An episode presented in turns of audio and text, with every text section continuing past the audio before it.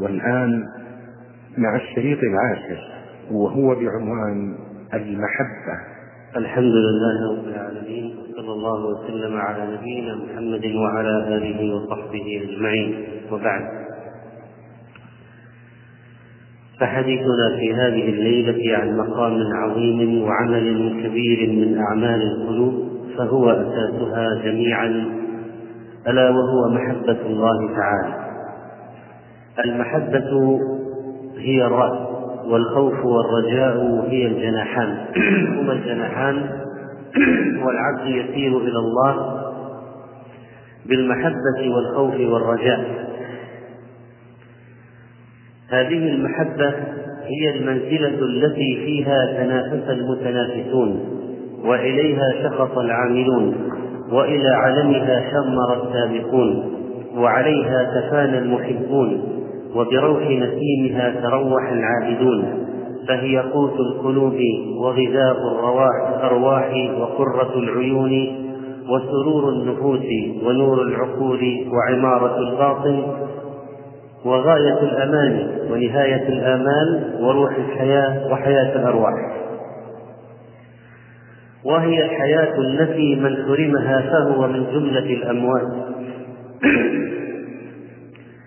والنور الذي من فقده فهو في بحار الظلمات والشفاء الذي من عدمه حلت بقلبه جميع الأسقام واللذة التي من لم يبصر بها فعيشه كله هموم وآلام.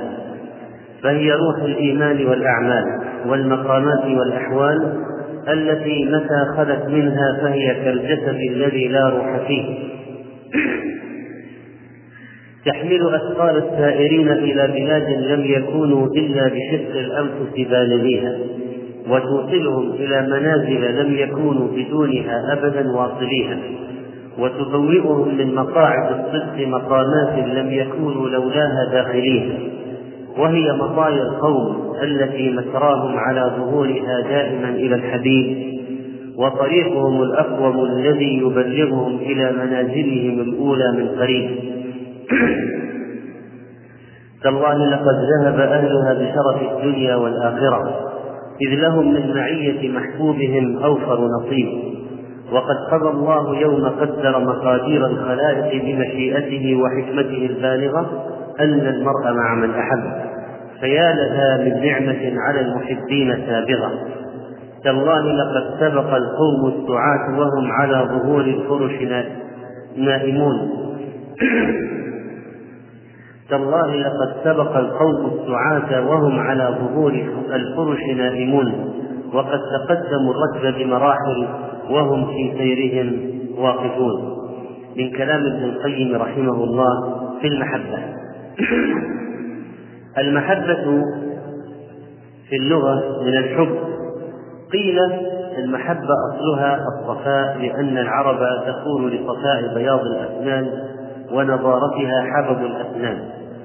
وقيل إنها مأخوذة من الحباب الذي يعلو الماء عند المطر الشديد فعلى هذا المحبة غليان القلب عند الاحتياج إلى لقاء المحبوب. وقيل المحبة مشتقة من اللزوم والثبات ومنه أحب البعير إذا برك حلت عليه بالفلاة ضربا ضرب بعير السوء إذا أحبه أي إذا قام في المكان ولزمه.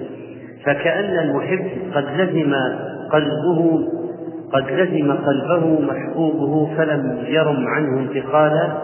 وقيل بل المحبة مأخوذة من القلق والاضطراب ومنه سمي القرب حبا لقلقه في الأذن واضطرابه. كما قال الشاعر تبيت الحية النضناض منه مكان الحب تستمع اضطرارا. وقيل مأخوذة من الحب جمع حب وهو لباب الشيء وخالقه. وأصله فإن الحب أصل النبات والشجر. وقيل بل مأخوذة من الحب الذي هو إناء واسع يوضع فيه الشيء فيمتلئ به بحيث لا يسع غيره. وكذلك قلب المحب ليس فيه سعة لغير محبوب. وقيل مأخوذة من حبة القلب وهي سويداء ويقال ثمرته فسميت المحبة بذلك لوصولها إلى حبة القلب. وأيا ما كان فإن هذه الصفات تجتمع في المحب وتكون مما يشعر به. ومحبة الله هي التي نتحدث عنها. وهي أمر هائل جسيم وفضل غامر جزيل لا يقدر لا يقدر على إدراك قيمته إلا من عرف الله بصفاته كما وصف نفسه. فلننتقل الآن بعد بيان عظم منزلة المحبة وتعريفها اللغوي ومن أين أخذت إلى الفقرة الثالثة وهي علامات محبة الله تعالى للعبد. ما هي العلامات؟ التي إذا وجدت في الشخص أو أحس بها تدل على أن الله يحبه. أولا حسن التدبير له. فيربيه من الطفولة على أحسن نظام ويكتب الإيمان في قلبه وينور له عقله فيجتبيه لمحبته ويستخلصه لعبادته فيشغل لسانه بذكره وجوارحه بطاعته. فيتبع كل ما يقربه إلى محبوبه وهو الله عز وجل. ويجعله الله نافرا من كل ما يباعد بينه وبينه. ثم يتولى هذا العبد الذي يحبه بتيسير أموره من غير ذل للخلق. لا يحوجه أن يذل نفسه للخلق.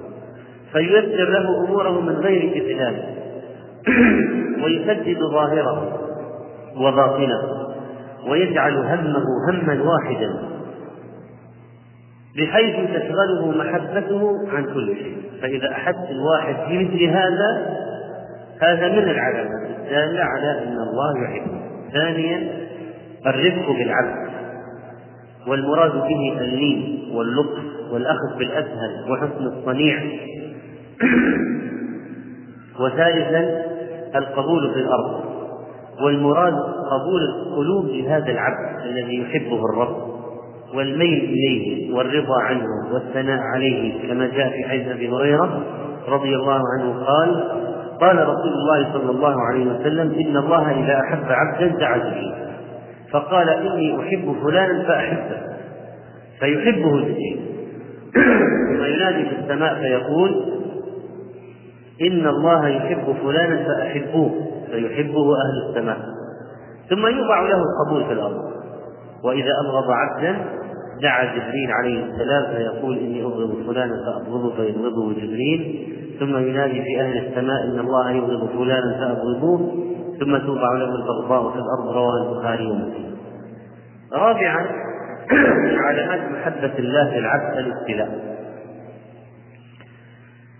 فعن أنس رضي الله عنه قال قال رسول الله صلى الله عليه وسلم إن عظم الجزاء مع عظم البلاء وإن الله إذا أحب قوما ابتلاهم وإن الله إذا أحب قوما ابتلاهم فمن رضي فله الرضا ومن سخط فله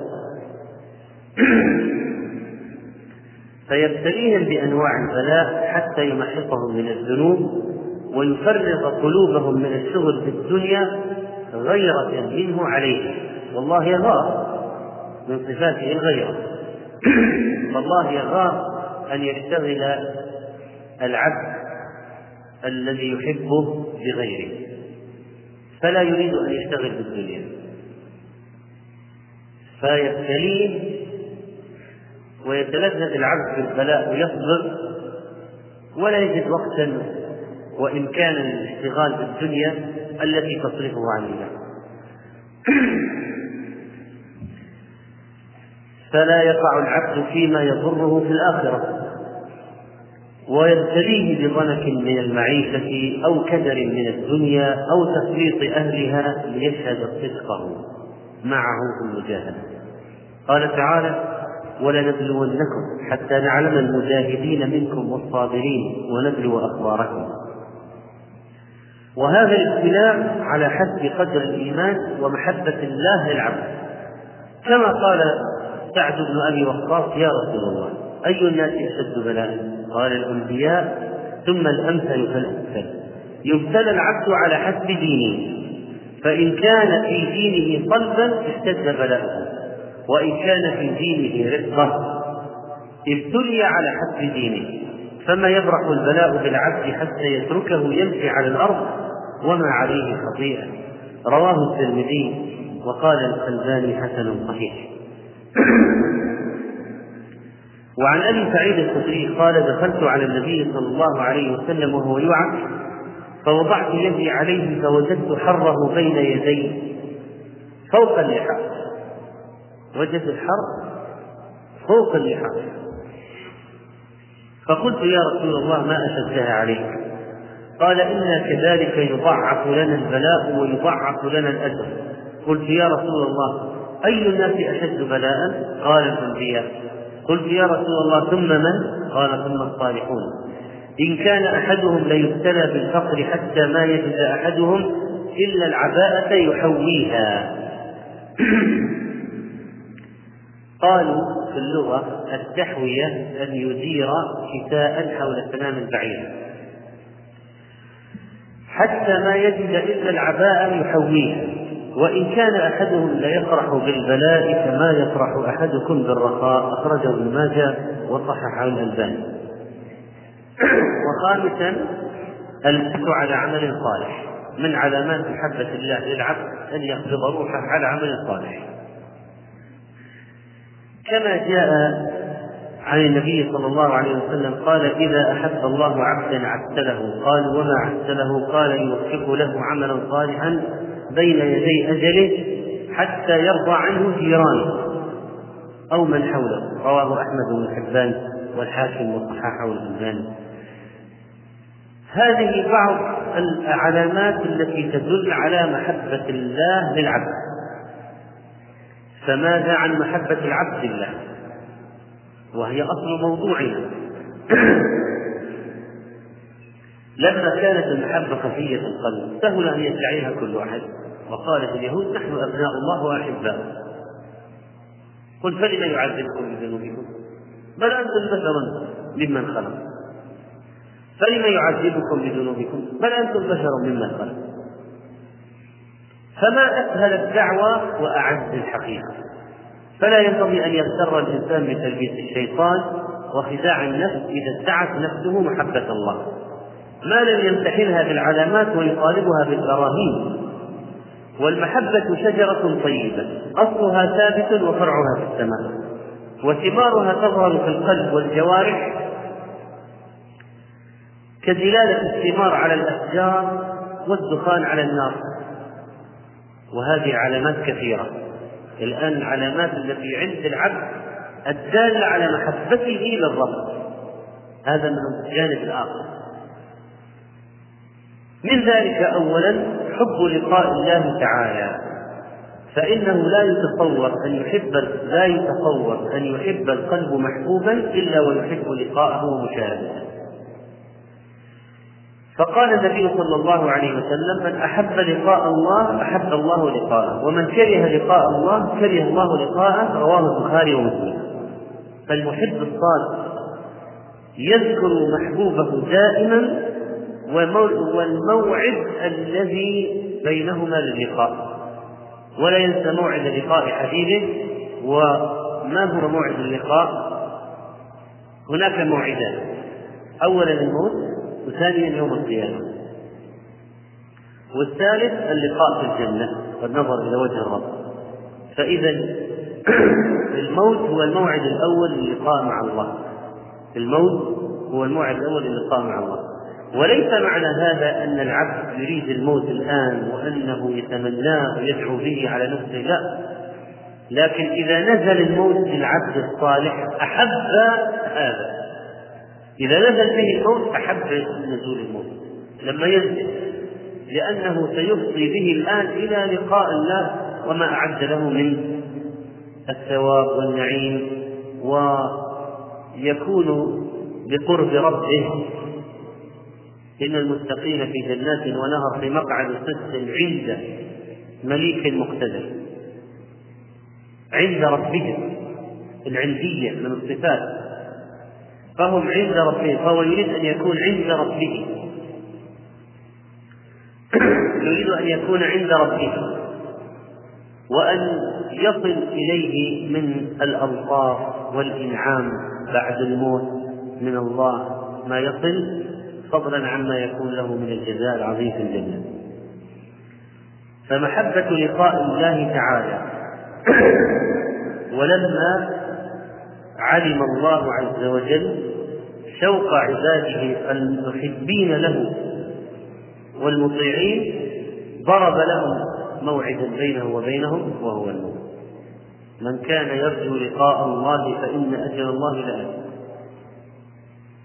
إذا إذا لما علم محبتهم له وشوقهم إليه ضرب لهم موعدا معه وهو الموت. فقال من كان يرجو لقاء الله ويحب ذلك فإن أجر الله لآت وهو الموت. ثانيا أن يكون أنسه بالخلوة. ومناجاة الله تعالى وتلاوة كتابه فيواظب على التهجد ويغتنم هدوء الليل وصفاء الوقت بانقطاع العوائد فإن أقل درجات التنعم بمناجاة الحبيب فمن كان النوم والاشتغال بالحديث ألست عنده من مناجاة الله؟ فكيف تصح محبته؟ إذا كان الكلام مع الناس أحب إليك من الكلام مع الله فكيف تدعي المحبة فإن المحب يتلذذ بخدمة محبوبه وتصرفه في طاعته. وكلما كانت المحبة أقوى كانت لذة الطاعة والخدمة أكمل. وقد قال النبي صلى الله عليه وسلم حبب إلي من الدنيا الطيب والنساء وجعلت قرة عيني في الصلاة. رواه النسائي قال الألباني حسن صحيح. فقرة العين قال ابن القيم رحمه الله فوق المحبة. فقرة العين فوق المحبة. فجعل النساء والطيب مما يحبه وأخبر أن قرة العين التي يطمئن القلب بالوصول إليها. ومحض لذته وفرحه وسروره وبهجته إنما هو في الصلاة. التي هي صلة بالله وحضور بين يديه ومناجاة له واقتراب منه. فكيف لا تكون قرة العين؟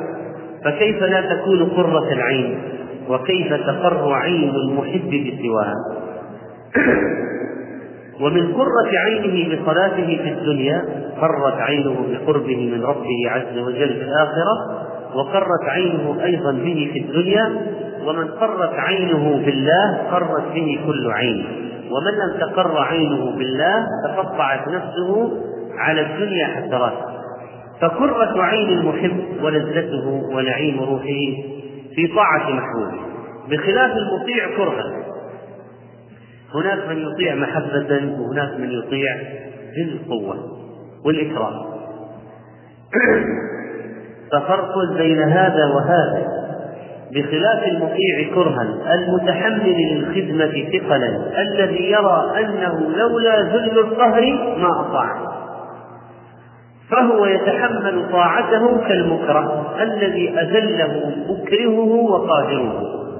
بخلاف المحب الذي يعد الذي يعد طاعة محبوبه قوتا ونعيما ولذة وسرورا فهذا ليس الحامل له على الطاعة والعبادة والعمل ذل الإكراه بل تكون دواعي قلبه وجواذبه منساقة بل تكون دواعي قلبه وجواذبه منساقة إلى الله طوعا ومحبة وإيثارا كجريان الماء في منحدره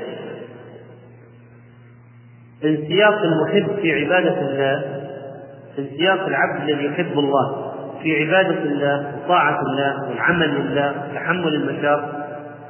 مثل جريان الماء في منحدره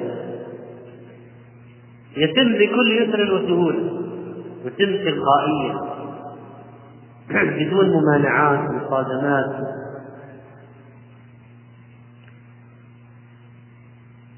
وهذا حال المحبين الصادقين فإن عبادتهم طوعا ومحبة ورضا ففيها قرة عيونهم وسرور قلوبهم ولذة أرواحهم. إذا فرق بين الذي يعمل لك وهو يحبك وهو الذي يعمل لك ربك. فبعض العمال يشتغلون في الشركات والموظفون بعض الموظفين يشتغلون رغما عنهم بالذل والإكراه. فهذا أرغمه عليه صاحب الشركة ولا يعطيه الراتب إلا بهذا. ولكنه يعمل وهو متأسف منزعج من هذا العمل جدا لكن يعمل رغما عنه. لن يعطيه المال إلا بهذا العمل. سيعمل غصبا لكن إذا أحبه عمل له حتى بدون أجرة. حتى بدون طلب منه يبادر إلى العمل ولا يجد عند العمل له أي مصاعب مشاق نفسية. بل إنه سيعمل له وهو مسروق بالعمل. فإذا إذا أحب العبد ربه عمل له بيسر وسهولة منقادا طائعا مستلذا بهذا. طيب كيف نوفق بين هذا الكلام وبين ما يجده الإنسان من المشاق في القيام صلاة الفجر وتحمل المكاره؟ التي يجد نفسه أحيانا يرغم نفسه عليها إرغاما ونفسه لا تريد وهو يغصب نفسه على بعض الطاعات مثلا هل معنى ذلك أن هذا الإنسان لا يحب الله؟ الجواب أن الوصول إلى مرحلة يكون فيها العابد لربه في عمله كالماء الذي يجري في المنحدرات هذه ما تتم من أول الأمر ولا يصل إليها العبد من أول العبادة والعمل. هذه يصل إليها بعد الدربة ومشقة ومجاهدة ولذلك فإن اللذة والتنعم بالطاعة تحصل بعد الصبر على التكرر والتعب أولا. فإذا صبر وصدق في صبره وصل إلى مرحلة اللذة التي يكون بعدها تكون بعد العبادة عنده والعمل لله كجريان الماء في منحدره. ولذلك قال بعض السلف كابدت نفسي في قيام الليل عشرين سنة وتلذذت به بقية عمري. فإذا ما يصل الواحد إلى هذه المرحلة التي تحدثنا عنها إلا بعد صبر ومجاهدة ومكابدة. بعد ذلك تصير لذة العبادة طاغية على ألم السهر وتعب والبرد ونحو ذلك. وإن عرف هذا عرف الطريق إلى الطريق إلى محبة الله كيف يكون أوله كيف يكون آخره وماذا سيلقى وأعد نفسه لهذا. وهذه مسألة في غاية الأهمية. ولا يزال السالك عرضة للفتور والآفات والانتكاس. ولا يزال السالك العابد هذا عرضة. حتى لو سهلت عليه بعض الأمور في العبادات لا يزال عرضة. شهوات تثور وشبهات تثور ولا يزال السالك عرضة للفتور والآفات والانتكاس حتى يصل إلى هذه الحالة. إذا هذه المشقة التي يجدها في بدء الأمر تكون مصحوبة فترة المشقة هذه مصحوبة باحتمالات انتكاس وفتور وبرود وآفات حتى يصل إلى مرحلة اللذة بالطاعة. وممكن الواحد أحيانا يشعر أنه يتلذذ بالطاعة أحيانا وتشق عليه أحيانا. وأن نفسه في تمشي في مسارات وأحوال تتقلب حتى تستقر على تلذذ بالطاعة دائما. فواضح إذا أن العمل لله والعبادة هذه مراتب. درجات. ومن فقه التدرج هذا عرف كيف يصل أما الذي لا يعرف هذا الموضوع شيئا فهو فعمله فعبادته كلها عبادات تقليد. بس يدخل يصوم مع الناس يذهب مع الناس الحج يدخل معهم المساجد يخرج من المساجد. لكن ليس عنده تصور لقضية الفك والاستمرار وما يحصل في الطريق من الآفات ثم الوصول بعد ذلك في النهاية إلى هذه المرحلة العظيمة التي يسهل عليه بعدها كل تسهل عليه كل مشقة وتهون كل صعوبة. ولا يزال السالك عرضة للفتور والآفات والانتكاس حتى يصل إلى هذه الحالة فحينئذ يصير نعيمه في سيره ولذته في اجتهاده وعذابه في فتوره وتوقفه عن العبادة. فترى أشد الأشياء عليه ضياع شيء من وقته ووقوفه عن سيره ولا سبيل إلى هذا إلا بالحب الذي يدفعه إلى العمل. ولذلك تجد بعض العابدين إذا مرض ينزعج جدا يتألم من المرض لا لا لأجل ألم المرض لكن لأجل أنه قطعه عن العبادة التي كان متعودا عليها. فتصبح القواطع عن العمل أكره شيء عنده لأنه يريد أن يرجع إلى حال الصحة ويمارس فيها ما كان متعودا عليه من الطاعات والعبادات ولذلك عوضه الله بالأجر. إذا مرض العبد أو سافر كتب له مثل ما كان يعمل صحيحا مقيما.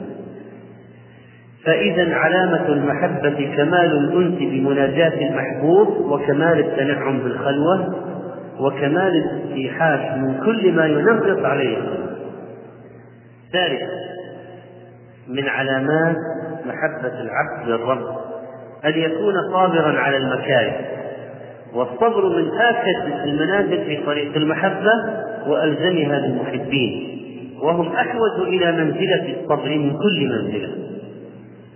فإن قيل كيف تكون حاجة المحب إليه ضرورية مع منافاته لكمال المحبة فإنه لا يكون إلا مع منازعات النفس لمراد المحبوب. قيل هذه هي النكتة يعني لب الموضوع والقصد. الفائدة التي لأجلها كان من آكد المنازل يعني الصبر من آكد المنازل في طريق المحبة وأعلقها به وبه يعلم صحيح المحبة من مع وبه يعلم صحيح المحبة من معلومها وصادقها من كاذبها فإنه بقوة الصبر على المكارم في مراد المحبوب يعلم صحة المحبة. ومن هنا كانت محبة أكثر الناس كاذبة لأنهم كلهم ادعوا محبة الله تعالى فحين امتحنهم بالمكاره انخلعوا عن الحقيقة ولم يثبت إلا الصادق إلا الصابرون.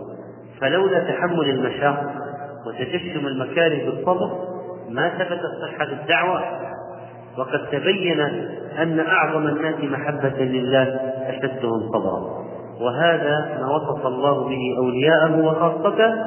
فقال, فقال عن عبده أيوب لما ابتلاه إنا وجدناه صابرا. يعني عند الابتلاء لما ابتليناه محصناه امتحناه وجدناه صابرا. فهذه العلاقة بين الصبر والمحبة. نعم العبد إنه أواب فأثنى عليه بعد ذلك إنا وجدناه صابرا لما ابتليناه نعم العبد إنه أواب وأمر أحب الخلق إليه بالصبر لحكمه وأخبر أن الصبر لا يكون إلا بالله. فيصبر لله والصبر لا يكون إلا بالله لا بد من الاستعانة للصبر فقال واصبر وما صبرك إلا بالله ولا تحزن عليه. ولا تكن بضيف مما ينكرون رابعا من علامات محبة العبد لربه أن لا لا يؤثر عليه شيئا من المحبوبات. أن يكون الله ورسوله أحب إليه مما سواهما. أنت يا رسول الله أحب إليه من كل شيء إلا من نفسك. قال حتى أكون أحب إليك من نفسك. قال أنت أحب إليه من كل شيء حتى نفسك قال الآن يا عمر. إذا من العلامات أن لا يقدم العبد شيئا على الله. لا يقدم عليه شيئا. لا نفسه ولا والده ولا ولده ولا الناس ولا أي شهوة. من علامات المحبة أن لا يؤثر على الله شيئا من محبوباته.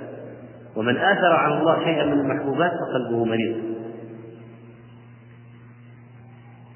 وإذا كان العبد مؤثرا ما أحبه الله على ما يحبه هو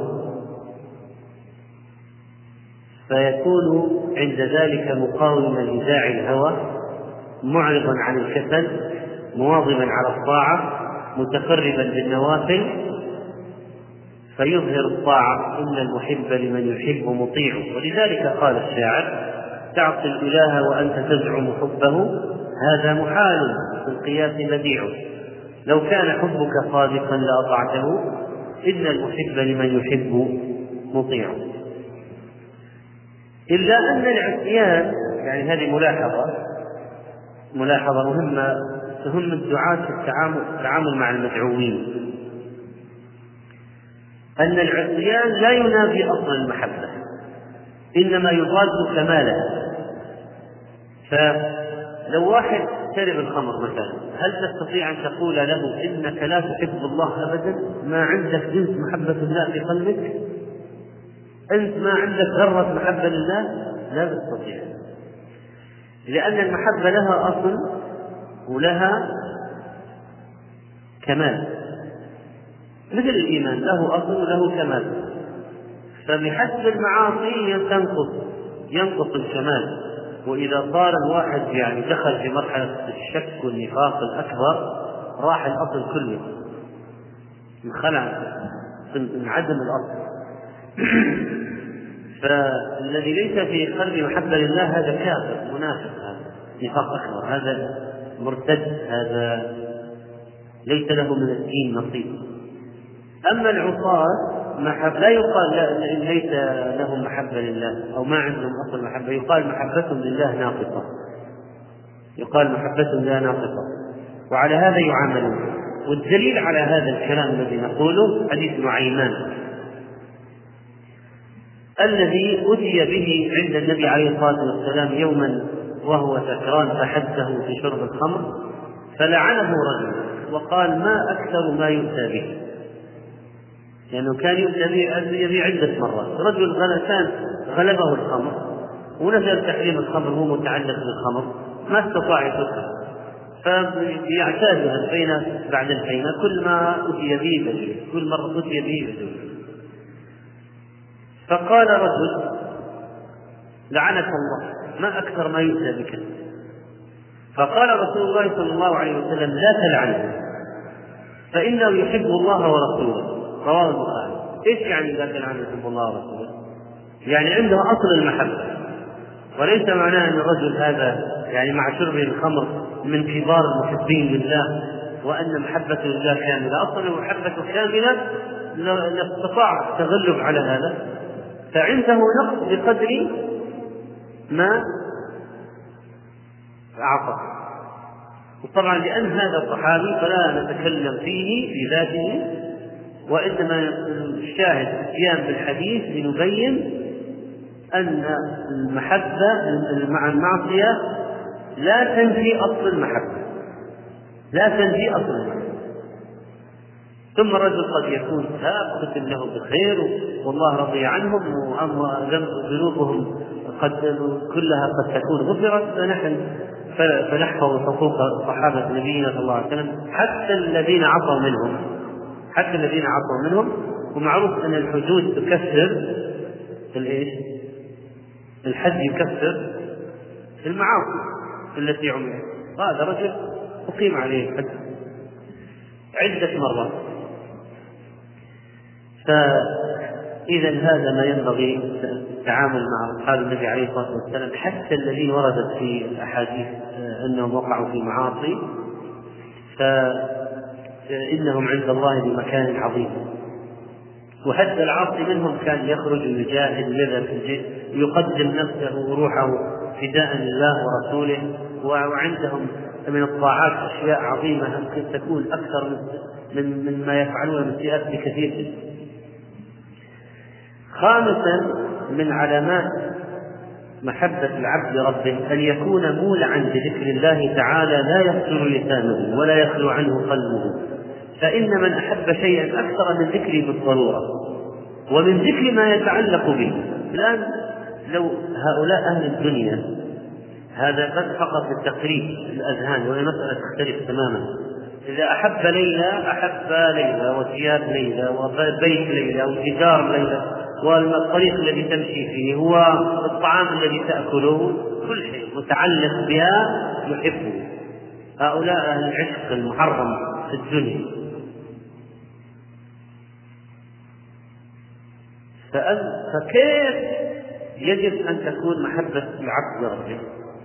إذا أحب الله حب العبودية يحب كل شيء يتعلق بالله كل شيء يحبه الله كل شيء. فيحب آه، عبادته وطاعته كلامه وذكره وأولياءه ولذلك فإنه يكون مولعا بذكره دائما يذكره لا ينسى ذكره قلبه معمور بذكره. ولقد أمر تعالى عباده بذكره في أخوف المواضع. يا أيها الذين آمنوا إذا لقيتم فئة فاثبتوا واذكروا الله. هذا تحت ظلال السيوف يعني تحت قعقعات السلاح اذكروا الله كثيرا. لا لا يشغلنكم هذا الموضع المخيف تحت قعقعات السلاح عن ذكر ربكم. إذا لقيتم فئة فاثبتوا واذكروا الله كثيرا. فعلامة المحبة الصادقة ذكر المحبوب عند الرغب والرهب. وحتى الكفار العرب في الجاهلية كان الواحد يفتخر بالأشعار أنه ذكر محبوبته في الحرب مثلا وتحت وقع السلاح أنه كان يذكر وعنتر يذكر محبوبته وهو يقاتل فأهل الإيمان أولى بهذا منهم. أهل الإيمان أولى بحبهم للرحمن أن يكون هذا أكثر من مما يفعل هؤلاء العاشقون والضلال مع معشوقيهم. ومن الذكر الدال على صدق المحبة سبق ذكر المحبوب إلى قلب المحب ولسانه عند أول يقظة من منامه وآخر شيء يذكره قبل أن ينام مرة أخرى فينام على ذكره ويستيقظ على ذكره. وهذا من فوائد أذكار النوم والاستيقاظ. ثالثا المحب الصادق إذا ذكر الله خاليا وجل قلبه. وفاضت عيناه من خشية الله. قال الله تعالى إنما المؤمنون الذين إذا ذكر الله وجلت قلوبهم. وإذا تليت عليهم آياته زادتهم إيمانا وعلى ربهم يتوكلون. فهؤلاء أهل الدنيا العشاق إذا جاء ذكر المحبوب والمعشوق تسارعت نبضات القلب. إذا جاء ذكره صارت نبضات فكيف يبدو كيف حال المؤمنين الذين يحبون ربهم أكثر مما يحب هؤلاء العشاق؟ معشوقين. كيف يكون حالهم إذا ورد ذكر الله مثلا؟ إذا ورد ذكر الله في مجلس في مكان في موضع تذكروا تذكروا الله مثلا؟ كيف يكون حال قلوبهم تابعا أن يغار لله فيغضب لمحارمه إذا انتهكها المنتهكون ولحقوقه إذا تهاون بها المتهاونون فهذه غيرة المحب حقا. والدين كله تحت هذه الغيرة. فأقوى الناس دينا وأعظمهم محبة لله أعظمهم غيرة على حرمات الله. ولذلك يذكرون المنكرات. ويمنعون المنكرات غيرة غيرة لأن محب لأن محبوبهم لا يرضى بهذا فهم لا يرضون به ولا يرضون بحصوله ويسعون في تغييره. وثامنا محبة كلام الله عز وجل. فإذا أردت أن تعلم ما عندك وعند غيرك من محبة الله فانظر محبة القرآن من قلبك. فإن من المعلوم أن من أحب محبوبا كان كلامه وحديثه أحب شيء إليه فلا شيء عند المحبين أحلى من كلام محبوبهم فهو لذة قلوبهم وغاية مطلوبهم ومن هنا كان عكوف هؤلاء المحبين لله على كتاب الله. تلاوة تفسيرا تدبرا يكثرون من قراءة القراءة في المصحف ومن الحفظ فهم يديمون التلاوة لكتاب الله لأن المحبة ينتج عنها ينتج عنها التعلق بكلام المحبوب والإكثار منه. ألا ترى أن بعض الناس إذا أحب شخصا دائما يقتطف من كلامه عبارات ودائما يقول قال فلان قال فلان قال فلان قال فلان من كثرة محبته له يستشهد بكلامه. فكيف يجب أن يكون حال المحبين لله موقفهم مع كلام ربهم؟ دائما التلاوة له والاستشهاد به دائما كل ما قضية فيها يمكن آية أوردها من كثرة التعلق يستشهد بكلام ربه دائما. وتاسعا أن يتأسف على ما يفوته من طاعة الله وذكره. فترى أشد الأشياء عليه ضياع شيء من وقته فإذا فاته ورده مثلا فاته قيام ليل فاته سنة راتبة فاته أذكار الصلاة وجد لفواته ألما أعظم من تألم الحريص على ماله من فوات ماله وسرقة ماله وضياع ماله. وبادر إلى قضائه في أقرب فرصة كما كان يفعل الصادق المصدوق صلى الله عليه وسلم فقالت عائشة رضي الله عنها كان رسول الله صلى الله عليه وسلم إذا عمل عملا أثبته وكان إذا نام من الليل أو مرض صلى من النهار اثنتي عشرة ركعة. رواه مسلم. وعاشرا أن يستقل في حق محبوبه جميع أعماله ولا يراها شيئا ولا يرى أن ما عبده به وأطال وصبر عليه أنه منزلة أنه أنه بذل شيئا. بل لا يراه شيء فلا يراه قط إلا بعين النقد والإزراء ويرى شأن محبوبه أعظم من كل ما عمل من أجله وأعلى قدرا فلا يرضى بعمله بل يتهم عمله ويستقل عمله ويحتقر عمله. ويخشى أنه ما وفى حق محبوبه بل ويتوب إليه من النقص. ولذلك بعد الصلاة يقول أستغفر الله مع أنه صلى لم يعصي ويصدق صلى. فهو دائم الاستغفار للنقص الحاصل في عبادة الرب. وكلما ازداد حبا لله ازداد معرفة بحقه فاستقل عمله أكثر. كل ما ازداد محبة لله عمل أكثر وزاد وزاد الاحتقار للعمل. كلما ازداد محبة لله ازداد عمله وازداد احتقارا للعمل الذين يؤتون ما أتوا وقلوبهم وجلة خائفة أن له لا يقبل منه. فهذه علامات للمحبين ننتقل المسألة الرابعة وهي ما هي الأسباب الجالبة لمحبة الله تعالى؟ ما هي الأسباب التي تجلب محبة الله؟ إذا الإنسان أراد أن يحصل عليها إذا الإنسان أراد أن يصل إلى هذه الدرجة درجة محبة الله. ماذا يفعل؟ ما هي الطرق؟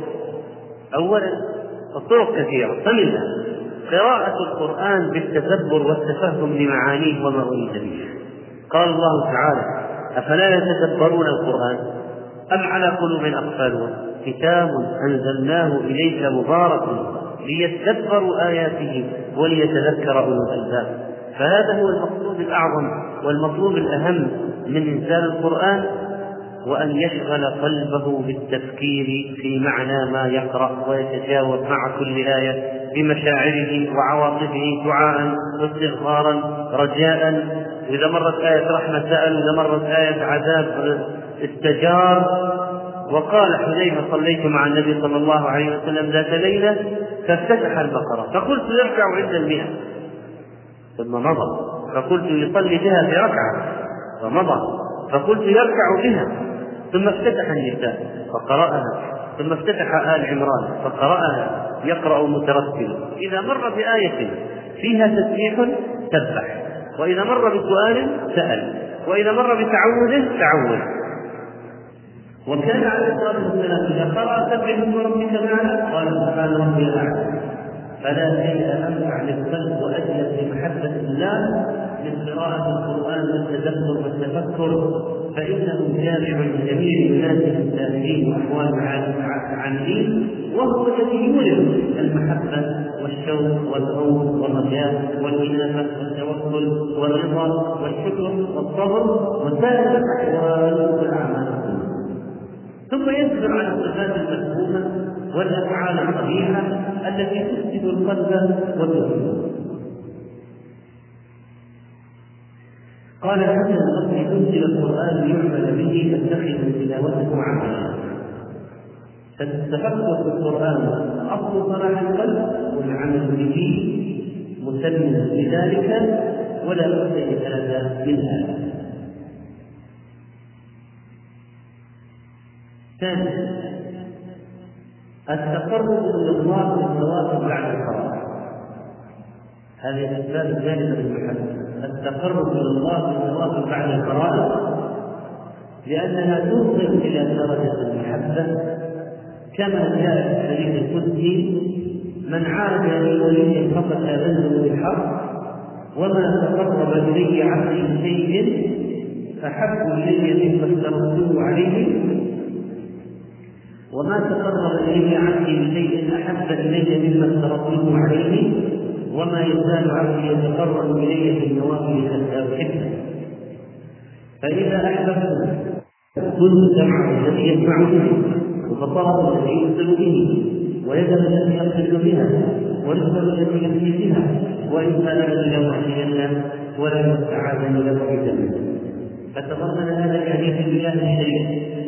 حفظ أسباب الله في أمرين أداء الفرائض والتقرب إليه في النوافل وأخبر سبحانه أن أداء الفرائض أحب ما يتقرب إليه المتقربون ثم بعد النوافل وأن المحب يستكثر بالنوافل لا يزال يكثر منها حتى يصير محبوبا لله. فإذا صار محبوبا شغلته المحبة عن أفكار وخواطر أخرى أجنبية غريبة عن العبادة. فلا تخطر على باله إذا جاءت تنطلق وتنطلق بسرعة لأنه صار عنده مراقبة الله ما يمنع هذه الأفكار من ويكون عنده من المهابة والعظمة لربه ما يمنع من الانشغال بأي شيء يجتمع عن عبادته ويكون عنده من الاجتهاد بالله والأنس به والشوق إليه ما يجعله دائما ذاتا دائما عادة عامة ولذلك الواحد قال هناك ناس من المسلمين يعني يعملون نوافل في الفراغ في نوعية من المسلمين هكذا الكثير منهم هكذا آه يعني إذا نظرت إلى أكثر المسلمين تجدهم يعملون نوافل وهم يصلون الواجبات يفعلون العصر فقل كيف هذا الشيء أنتم تعملون؟ كيف كيف تعمل نوافل وأنت عندك مشكلة كبيرة في الواجبات وفي ترك الحرام طبعا ليس العلاج هو ان يكون النوافل النوافل يزداد حاله ثم النوافل تكثر. النقص الحل أن يطلع على النوافل لكن يصلح الواجب حال الواجبات ويصلح حال ترك المحرمات يصلح من الواجبات هذه كلها يعمل ما ترك الواجبات واستغراق من المحرمات يصلحها فيمتنع عن المعروف ويزيد في النوافل هذا هو السبيل. هذا هو الطريق وفي الحديث رضا مقدر الصلاة كما قال ابن حجر رحمه الله فإنه ينشأ عنها محبة الله والعبد الذي يتقرب بها وذلك لأنها محل المناجاة والقربة ولا واسطة فيها بين العبد وربه ولا شيء أخطر بعين العبد منها ومن كان قرة عينه في شيء فإنه يرجو أن لا ولا يقول لأن لأن فيه نعيمه وفيه تقديم حياته وهذا من عادة. إذا الصلاة المحافظة عليها فرضا ولكن من أعظم هذه المحبة وذكر منها قيام الليل وعموما في الفرائض الامتثال ولا تكاد تجد فريضة يعني شيء واجب إلا وله نوافل. مثلا الصيام في واجبات له الحج في واجب له نوافل. الأذكار في منها واجب لها نوافل. قراءة القرآن في منها واجب لها نوافل. والصلاة في منها واجب لها نوافل. الزكاة إخراج الأموال في له نوافل. فإذا هكذا. حتى في الوالدين ولا تفرق في شيء حد له مكملات ونوافل. حتى الواحد إذا قصر بالواجب يجب أن يعوض لكن لا يمكن أن يستند الواجب بالواجب هذا خلل في الصورة هذا اضطراب الميزان من الذي خلق الذي يفعل هذا. هذا شيء يتقصر بالواحد بالواجبات فتكمل تكمل للنوافل وهكذا. ثالثا من الأشياء التي تقود إلى محبه الله أن يكثر ذكر الله باللسان والقلب والعمل فنصيب من المحبة على حسب نصيبه من هذا ولهذا أمر تعالى بالإكثار من ذكر وبين المستقبل الفلاح. واذكروا الله كثيرا لعلكم تفلحون. وأثنى على أهل العلم ومدحهم وأخبر النبي صلى الله عليه وسلم أنه فوق منزلة الكفاية وجعل الله تعالى هذا الذكر حتى بعد العبادات العظيمة وخاتم الأعمال الصالحة وبعد الصيام وذكر العزة ويستغفر الله عنه لا والحج إذا قضيتم مناسككم فاذكروا الله. والصلاة إذا قضيتم الصلاة فاذكروا الله قياما وقعودا وعلى جنوبكم والجمعة إذا انقضت فانتشروا في الأرض وابتغوا من فضل الله واذكروا الله كثيرا. وهكذا. الذكر هذا مقارنة بالأعمال الصالحة وأقيموا الصلاة لذكري بناء على ذلك فإن ذكر الله سبحانه وتعالى من أعظم ما ينزل من المحبة عز وجل.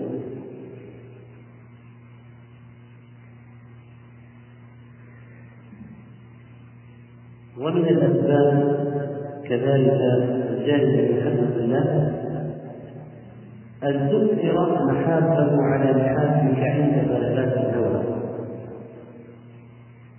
وأن تتسلم إلى محابه ولو بعض السفر وعلامة هذا الإيثار شيئان الأول فعل ما يحبه الله ولو كان نفسك تكرهه. والثاني ترك ما يكرهه الله ولو كان نفسك تحبه ما هو؟ الأول فعل ما يحبه الله ولو كان نفسك تكرهه والثاني ترك ما يكرهه الله ولو كان نفسك تحبه. هذا هو الإيثار المقصود هنا. إيثار محاكم الله على محاكم عند غلبات والتسلم إلى محاكم وتطبع المحترمه وبهذين الأمرين يصح مقام الايثار ومقولة هذا الإنكار شديدة بقوة داعي الهوى والطبع والعادة. ولكن المؤمن الذي يريد أن يصل مرتبة المحبة وأن يجد محبة الله له يتكلف المجهود الشديدة ويراود نفسه الضعيفة لكي يصل إلى هذا ويحقق هذا الإنكار. فيشمل وإن عظمت الفتنة ويتحمل الخطر الجسيم إرضاء للملك ولأجل الحصول على الفوز الكبير. فإن ثمرة هذا العادل الآكل لم تستفيده ثمرة من الثمرات ولا تتحقق المحبة إلا بهذا الإخلاص قال ابن القيم رحمه الله مثل الله سبحانه عبده المؤمن بمحبة الشهوات والمعاصي وميلا إليها إلا ليسوقه بها إلى محبة هو أفضل منه وأنفع وأخير وأزود وليجاهد نفسه على ترك هذه الله فتورثه هذه الكاملة محبة الله والوصول إلى المحبوب الأعلى. فكلما نزعت نفسه من تلك الشهوات واشتدت إرادته لها وشوقه إليها قرب ذلك الشوق والإرادة بشوق أعظم ومحبة أكبر وهي محبة الله عز وجل. والقاعدة أن الإنسان لا يستملكك محبوبا إلا لمحبوب عنه إيش اللي يخليك تترك شيئا كشيء وتحبه وتتعود عنه إلا بشيء طاغي على أكثر من هذا جعلك تترك الأول وتنقاد فلان وتكثره وتقدمه فكان لأجل ذلك من مشى إلى محبوبه على الجنب والشوق أعظم من مشى إلى راكب النجاه فليس من آثر محبوبة مع منازعة نفسه كمن آثره مع عدم المنازعة ليش كان الصالحون أكثر أفضل من الخالدين؟ لأن الناس ما عندهم شهوات ومنازعات يقاتلون يقاتلون الله بطبيعتها لا يذكرون يسبحون الليل والنهار لا ما من موضع أربع أصابع في السماء إلا وفيه ملك. قال الرابع لا يتخطط من السماء من ثقل الملائكة الذين يعبدون الله. ما في أربع أصابع إلا في ملك. قال الرابع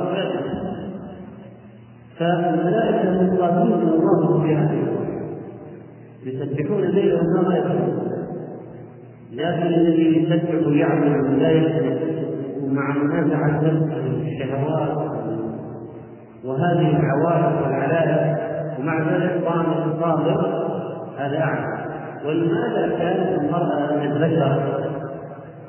من أهل الجنة أفضل من الحور ليه نقول بمجاهدتها نفسها وتركها نفسها والتغلب على الشهوات وفضل صلاتها وصومها وعبادتها هذا احسن من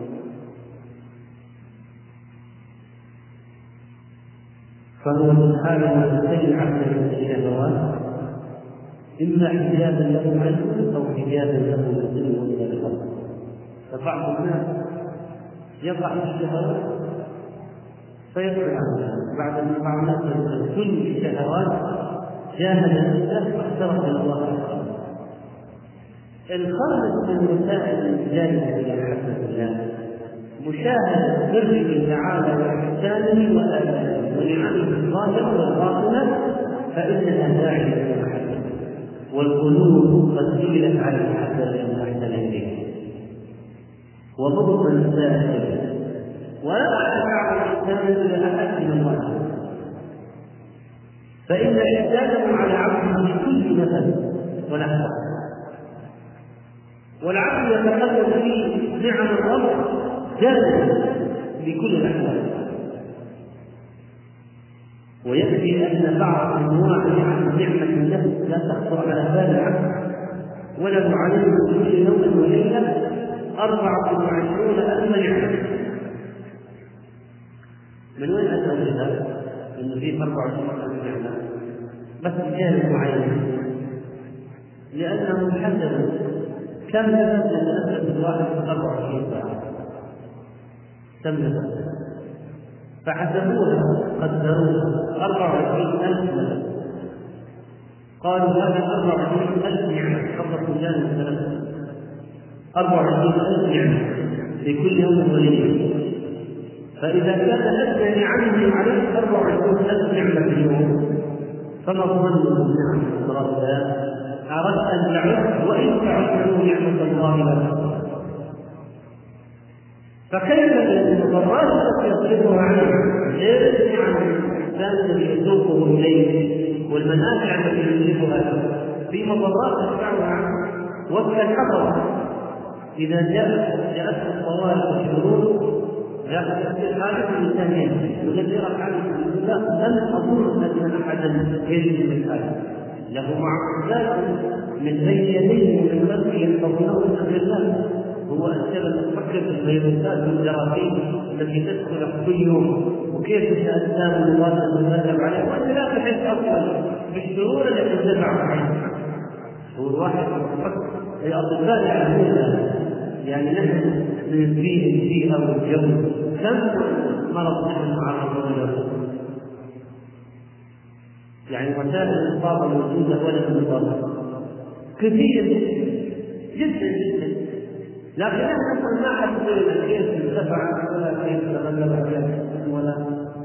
الأجسام المقاتلة ولا الدم بيض ونحن وهذه نعم يعني انتزاع الحلول النار ضمن الأفراد هذه ما أثر فينا هذه الجراثيم هذه نعم. غير نعم مجلوبة ونقم مدفوعة مضار مدفوعة. لا لا يمكن العبد الشعور بها أصلا والله يخلقه الليل والنهار. كما قال تعالى قل من يخلقكم في الليل والنهار من الرحمن فهو سبحانه المنعم بالحلال والكسب والحراسة من كل المسلمين هو إذا حافظ غيره والله خير وهو الرحيم. وكيف بسطت من المعاصي نعم عليه يعني غير النعم أصلا بعض النعم هذه جاءت تظل الاساءات أخرى في معاصي كتبت ما أكثر على أن تبعهم الله يدعون له الولد ثم يعافيهم وما في الدنيا من الآخرة الأهل والأولاد والصحة والأموال والأشياء الكثيرة هذه. والله عز وجل يرزق ويعافي ويعطي ومن أسباب ذلك الذي حدث كذلك مطالعة القلب بأسماء الله وصفاته ومشاهدتها ومعرفتها وتقلب القلب في رياض هذه المعرفة فمن عرف الله سبحانه وتعالى بأسمائه وصفاته أحبه الله من عرف الله بأسمائه وصفاته وأفعاله أحبه لا محالة وهذا الباب الذي يدخل منه خواص أولياء الله تعالى الدين وهو باب المحبين حقا الذي لا يدخل غيره ولا يدفع من معرفته أحد منهم. كلما له علم ازداد شوقا ومحبة من الله. فإذا انضم داعي الإحسان والإنعام إلى داعي الجمال والجمال لم يتخلف المحبة من هذا التألف إلا أخطأ القلوب وأخطأ وأبعدها عن شيء فإن الله فطر القلوب على محبة المحسن الكامل في أوصافه وأخلاقه وإذا كان هذه فطرة الله التي فطر عليها قلوب عباده فمن المعلوم أنه لا أحد أعظم إنسان منه ولا شيء أجمل من الله ولا شيء أجمل من الله.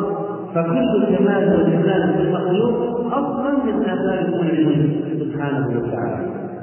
لا يوصف جلاله وجماله ولا يقول أحد من خلقه ثناء عليه بدليل صفاته وعظيم انسانه وجميع أفعاله. بل هو كما نثني على نفسه وإذا كان بعض الناس يحبون الجميل فالله عز وجل أجمل من كل شيء. والله له سبب الجمال قال النبي عليه الصلاة والسلام إن الله جميل. ولذلك إذا رآه أهل الجنة نسوا كل شيء. الله عز وجل من صفات الجمال جميل ليس شيء أجمل منه أبدا ليس شيء أجمل منه أبدا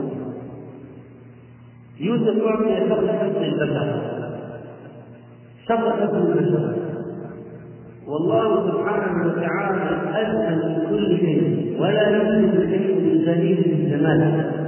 الجمال هذا الذي يعجب الناس ينبهرون به الجمال. الله أجمل بكل شيء. ومن تأمل هذا عرف كيف يتغلب على الأشياء الجميلة في الدنيا من المعاصي وكل اسم من الاسماء كل اسم من الأسماء المصفه من التي تدعي محبه يعني إذا نظرت الجانب الكريم تحبه. والعظيم تحبه. والجليل تحبه. والشريف تحبه. وإذا نظرت إلى إلى جهة التواب تحبه. والغفور تحبه. وهكذا كل مثل من الأسماء وصفة من الصفات تحول إلى محبة أكثر إلى محبة من هذا المثل تنطلق من هذه الصفة ومن هذا الفعل. فهو المحبوب المحبوب على كل ما فعل وكل ما أمر في افعاله العبث ولا في الزمن. بل افعاله كلها لا تخرج عن الحكمة ولا الاصلح ولا العدل ولا الفضل والرحمه وكل واحد من هذه يستوجب حمدا وثناء على الله سبحانه وتعالى. ما للعباد عليهم حق ولا كلا ولا فعل من طائفه إن عذبوا فبعدل أو نعموا فبفضله وهو الكريم الواسع ولا يتصور بشر هذا المقام حق تصوره فضلا عن أن يوفيه حقه وأعرف خلقه به وأحبه به محمد صلى الله عليه وسلم قال لا احسن ثناء عليه لا احسن ثناء عليه تعلم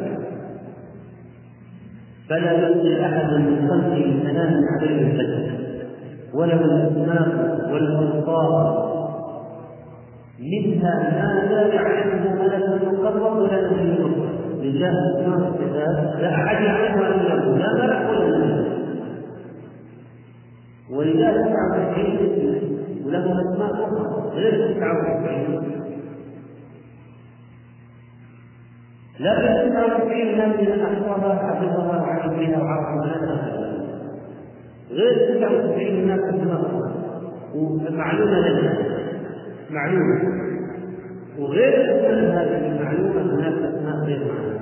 لذلك يوم القيامة الله يعلم الدنيا في الاشياء من العرش ما خطرت بفتحه ويثني عليه محامد ما علمنا لها من قبل. فإن لله أسماء الصفات التي يحب إليه ومن تأمل في أسماء وصفاته ازداد ولو شهد في قلبه لو شهد قلبه. صفة واحدة منها. من أوصاف كلامه كمال تدفع على المحبة التامة فكيف إذا شهد بقية الصفات فكيف إذا شهد الأسماء؟ فكيف إذا شهد الأفعال؟ وما نعلمه نحن عن الله. ما نعلمه عن الله وأسماء وصفاته ما يعلمه العباد عنه ليس إلا في نظرة الرسول فقط.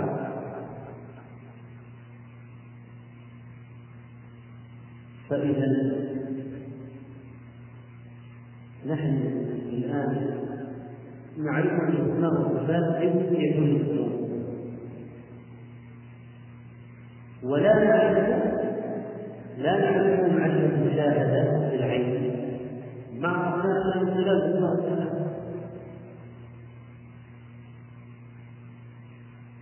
لأن العباد لا يؤمنون بهذه الأسماء وما وصل إليه من العلم بالله عن طريق الوحي.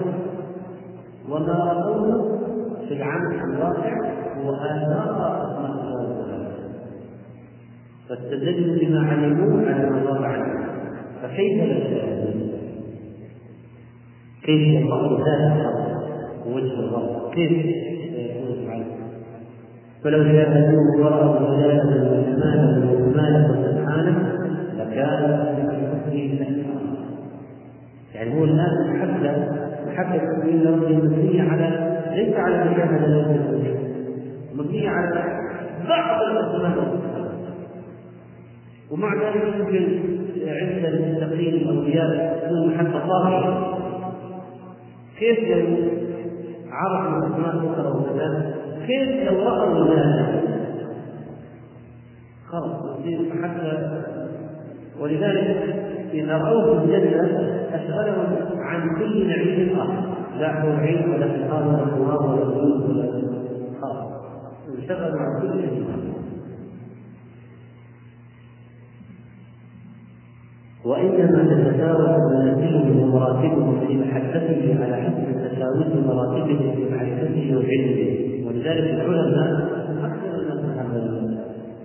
لأنهم يعرفون الأسماء والصفات معاني وآثار الأسماء والصفات ما لا يعرف عنها وهذا فقط من توغل فيه معرفة أسماء الله وصفاته وآثاره إيش اثار الحديث؟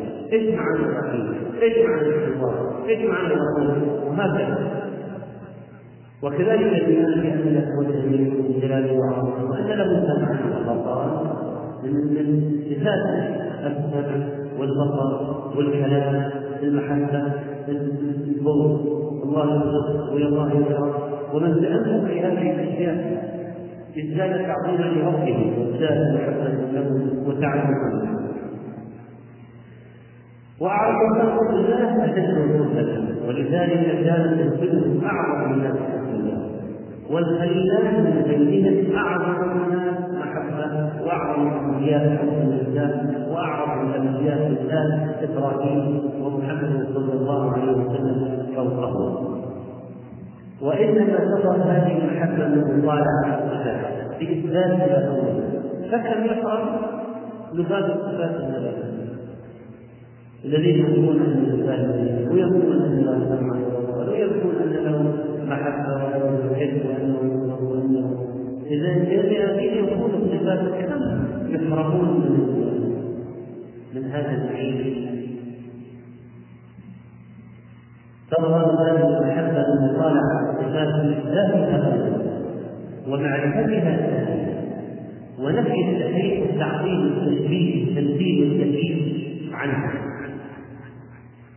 ولذلك لا يصح مطالعة أسماء الله وصفاته إلا إلا بقواعد صحيحة.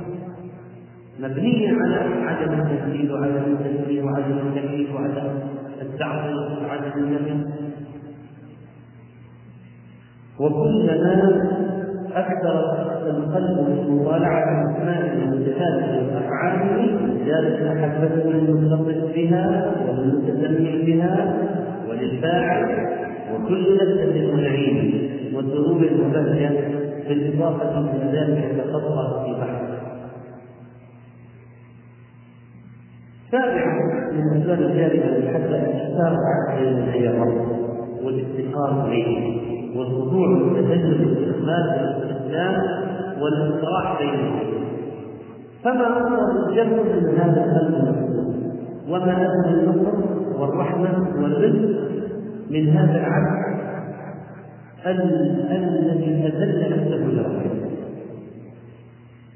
وأحب القلوب إلى الله قلب تمكن منه تمكن منه الاستكبار والحب منه والله سبحانه يحب من عبده أن يسلم مقام بين يديه لأن هذه حقيقة العبوديه الذل بين يدي الله. ويقال طريق المعبد مجدد من كثره وقت الأقدام عليه. زلزلته وقت الأقدام فصار طريقا محمدا فإذا كلما زل العبد بين يدي ربه كلما ازداد محبته والذل أنواع. أكملها نزلة للحكم أكملها ذل أكملها ذل المحب لحبيبه وهناك ذل المانع لمن وهناك ذل الجاهل عند المحسن وهناك ذل العاجل عند القادر على إطعام الواقع وهو وهناك فهناك إذا أنواع من الذل لكن أعلاها له ذل ذل الحبيب لحبيبه فإذا كان إذا كان ذل الله عز وجل قائما كثيرا كانت المحبة كبيرة. والعبد ولا شك يذل بين يدي الله كل هذه الأنواع. يعني يذل ذل الحبيب يذل ذل الجانب عند القادر عليه أن يصبح نفسه يذل العالم عند القادر يذل ذل الذي يجلب له المنفعة ويدفع عنه المضرة والذي ابتلى قلبه من محبة الله سبحانه وتعالى فقلبه مكذب عند ربه. ليس معجبا عمله ولا متأثرا بما قدم ما كان كثيرا فإنه لا يرى ويرى نفسه مقصرا ويرى ذلك ما عمل لا يستعجل نعمة الله ومن الأسباب الثانية المحبه خلق الله تعالى في وقت النزول الالهي لمناجاته وتلاوه الكلام والوقوف لتاثر معه بادب العبوديه اصرارا توبه تتجافى جنوبهم عن المضاجع يدعون ربهم خوفا وطمعا ومما رزقناهم ينفقون أما الشيطان من كان بين ساجد وقال يحذر الآخرة ويذكر حمد ربه قل هل يستوي الذين يعلمون والذين لا يعلمون هذه بعض الاسباب التي هناك أناس يحبهم الله. ذكر الصفات الافعال الأشخاص يحبهم. فاستعمل بعض الناس تكميلا للموضوع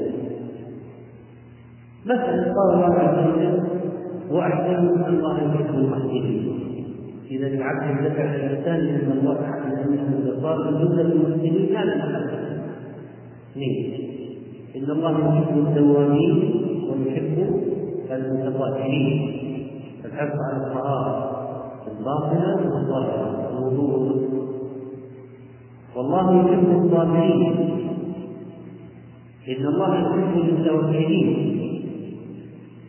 يا أيها الذين آمنوا إذا ارتد منكم عن دينه فسوف يأتي الله بقوم يحبهم ويحبهم ما هي الصفات أذلة على المسلمين أعزة على الكافرين. يجاهدون في سبيل الله ولا يخافون الحق. ولا يخافون من مستعد يتحمل الحق كل شيء لا يخافون من السلام فوصف الله المشركين لهم بأربع صفات بأربعة صفات ذلتهم على المؤمنين ولين الجانب للمؤمنين وخفض الجناح للمؤمنين والرفض والرحمة للمؤمنين وهكذا. والجهاد في سبيل الله بعد العزة على الكافرين. ولا يخافون الحق لهم وأخبر تعالى كذلك ان الله أنه يحب المتقين. وأخبر انه يحب المخلصين أصحاب العدل الذين يحملون بالياسين والولايات التي يتولونها والمناصب التي يتبوؤونها يعدلون. وأخبر انه يحب الذين يقاتلون في سبيله صفا كأنهم بنيان هذه أحوال الله يحب اهلها فينبغي الداعي ان يكون الإنسان حتى عبده هناك أشياء وردت في السنة ثلاثة يحبهم الله عز وجل. رجل أتى قوما فسألهم الإسلام فلم يسألهم من قرابة بينهم وبينهم منع فتخلفهم رجل فأعقابهم سرا لا يعلم بعقيدته إلا الله عز وجل. والذي أعطاه يعني أن من هو الذي لا واحد جاء سأل قوما بالله. ما عرف فواحد بعد ما ضرب السائل خلفة ذهب وراءه وأعطى. لأنه ما أراد أن يجيب مع الناس امام الناس. فانتظر حتى ذهب ذهب وراءه وأعطى. فلا يعلم عن عقيدته إلا الله ثم الذي أعطاه. السائل فهذا واحد من المعطي هذه الصفه من الاخفاء عن الحكمه وقوم صاروا ليلتهم حتى إذا كان النوم أحد الليل مما يحلم به. نزل ووضعوا أنا الله. فقال يتملكني الآيات فضربت السعد ونقضت وأصحابه كلهم نزلوا وهو انفرد سفر متعب هذا جدا. فقام يتمسكني يعني يسألني بالأفعال فيترك رسالة ورجل كان في سرية فلقوا العدو فانهزم فأقبل بصدره حتى يسأل أو يسأل رواه مسلم. ولم يتوالى كما بعض الناس ومثال آخر الذي يحبه الله ما جاء في حديث عامر بن سعد بن أبي وقاص. قال كان سعد بن أبي وقاص في ذكره حصل هناك شيء حول الخلافة في المدينة حول البيع على الخلافة بعد النبي وسعد بن وقاص أين كان؟ هو من ستة عشر من طريق الجنة كان في ذكره فجاء ابن عامر فجاء ابن نعم جاء ابن عمر. فلما رأى بعد قال أعوذ شر هذا فنزل ولم في خارج فقال الابن أنا زلت في سجنك وقلبك وتركت الناس يتنازعون الكل بينهم. تركت الخلافة والمنطق في المدينة وأنت أجلس مشغول قال اذكر سمعت رسول الله صلى الله عليه وسلم يقول إن الله يحب العبد التقي الغني الخبيث. التقي العبد الغني عن الناس والخبيث الذي لا يريد ولا يريد علوا في الأرض. ولا يريد مناصب ولا خبيث الأفعال المنقطع في العبادة والاعتقاد بالوحيد من الأفعال التي يحبها الله ما جاء في الحديث عن ابن سعيد قال رسول الله صلى الله عليه وسلم إن الله يحب أن يرى أثر نعمته على عبده طبعا غير إكرام ولا كلمات كما ضبطه كما جاء ضبط الثالث. وواضح قضية قال النعمة لا يكون فيها ولا يكون بالخيانات ما هو قصد الفكر والعلم ثم يتوسط ولا يقبل على وعن أبي حازم بن دينار عن أبي ابي الخولاني قال دخلت مسجد دمشق فاذا أنا بفتى براء الثنائي وإذا الناس حوله إذا اختلفوا في شيء يدعون اليه عنه فقيل من هذا؟ سألت عنه فقيل هذا معاذ بن جبل. فجاء بعد ذلك فوجده الرجل فانتظر حتى قضى صلاته فسلم عليه وقال قلت له والله إني لا أحبك لله عز وجل. فقلت فقال آل الله يحلل الإنسان أنه يحب الله فقط فقلت الله. فقال الله فقلت الله. فأخذ بحكم الرجال فجبل إليه وقال أبشر. فإني سمعت رسول الله صلى الله عليه وسلم يقول قال الله عز وجل وجب المحبة للمتحابين في والمتجاوزين فيك والمتساويين فيك والمتساويين فإذا الحب تجاوز زيارة تجاوز مجالسة الناس التعامل عندهم الأكبر والتواصل على الصبر ويجلس بنا نصف ساعة وجلوس مجالس الذكر هذه الأشياء محبة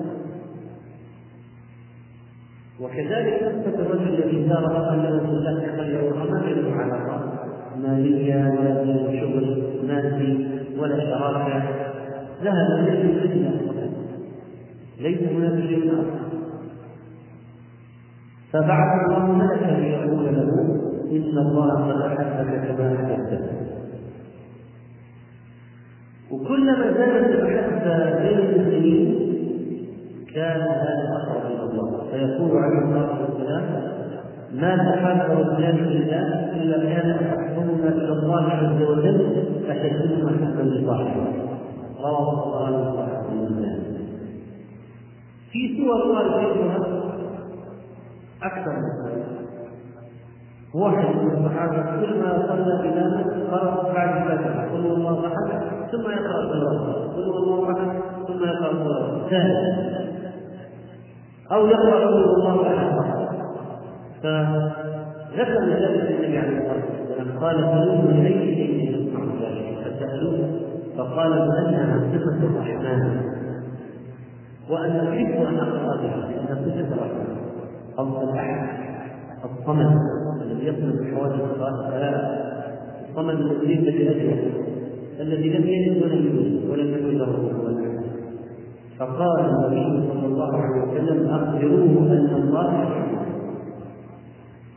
من الأعمال التي يحبها الله ما اخبر به عليه الصلاة والسلام فقال أحب الناس إلى الله انفعهم واحب الأعمال إلى الله عز وجل سرور يخرج عنه أو يكشف عنه كربته أو يقضي عنه ليلة أو يطرد عنه جوعا ولا يمشي مع اخ في حال أحب إلي من أن أعتكف في هذا المسجد شهرا. حديث وسئل النبي صلى الله عليه وسلم من أحب عباد الله إلى الله؟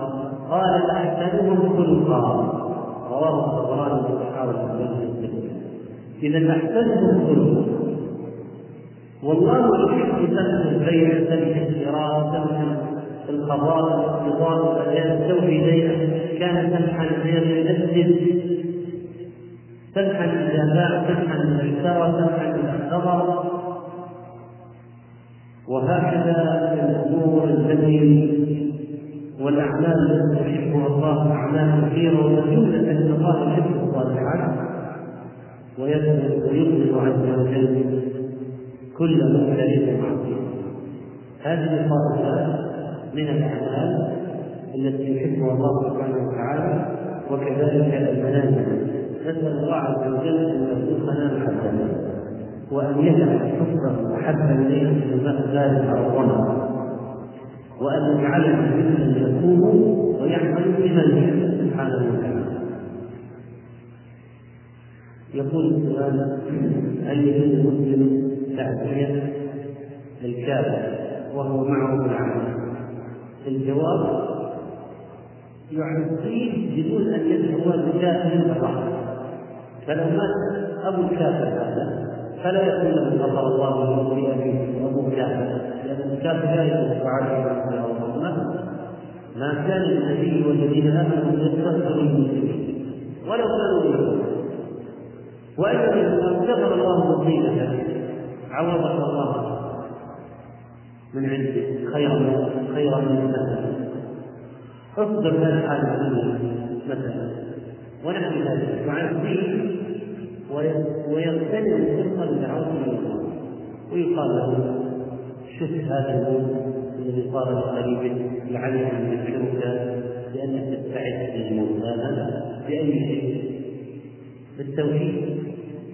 وأنك تختلف فيه بالله حتى تجد. فيختلف فرصه الاجل في الدعوه محبة الدنيا هل هي النبي عليه الصلاة والسلام قال حكم لي من زياده نصيبا لله اذا في أشياء في الدنيا تحبها وليست لأن النبي عليه الصلاة والسلام محبها ولذلك يجوز للإنسان أن يحب اشياء من الدنيا ما دامت ليست محرمة. ما يجوز أن يحب الزنا ولا يحب الرشوة ولا يحب الخمر لا يجوز. لكن يحب زوجاته النساء يحب الطين يحب الزرع يحب أكلة معينة. هذا حكم طبيعي. لكن إذا طغى هذا الحكم على محبة الله فضحى في مرضاة الله من أجل الزوجة. وسرق من أجل الطين فهنا تكون محبة هذه النية معصية غير جائزة وفي محبة كثير تخرج عن الله إذا أحب الله أكثر من الله محبة عبودية فهنا يخرج عن نسأل الله سبحانه وتعالى أن يغفر لنا ذنوبنا وإسرافنا في أمرنا صلى الله عليه وسلم شكر الله لفضيلة الشيخ محمد صالح الممجد ما قدمه ونسأل الله أن يجعله في ميزان أعماله. والسلام عليكم ورحمة الله وبركاته.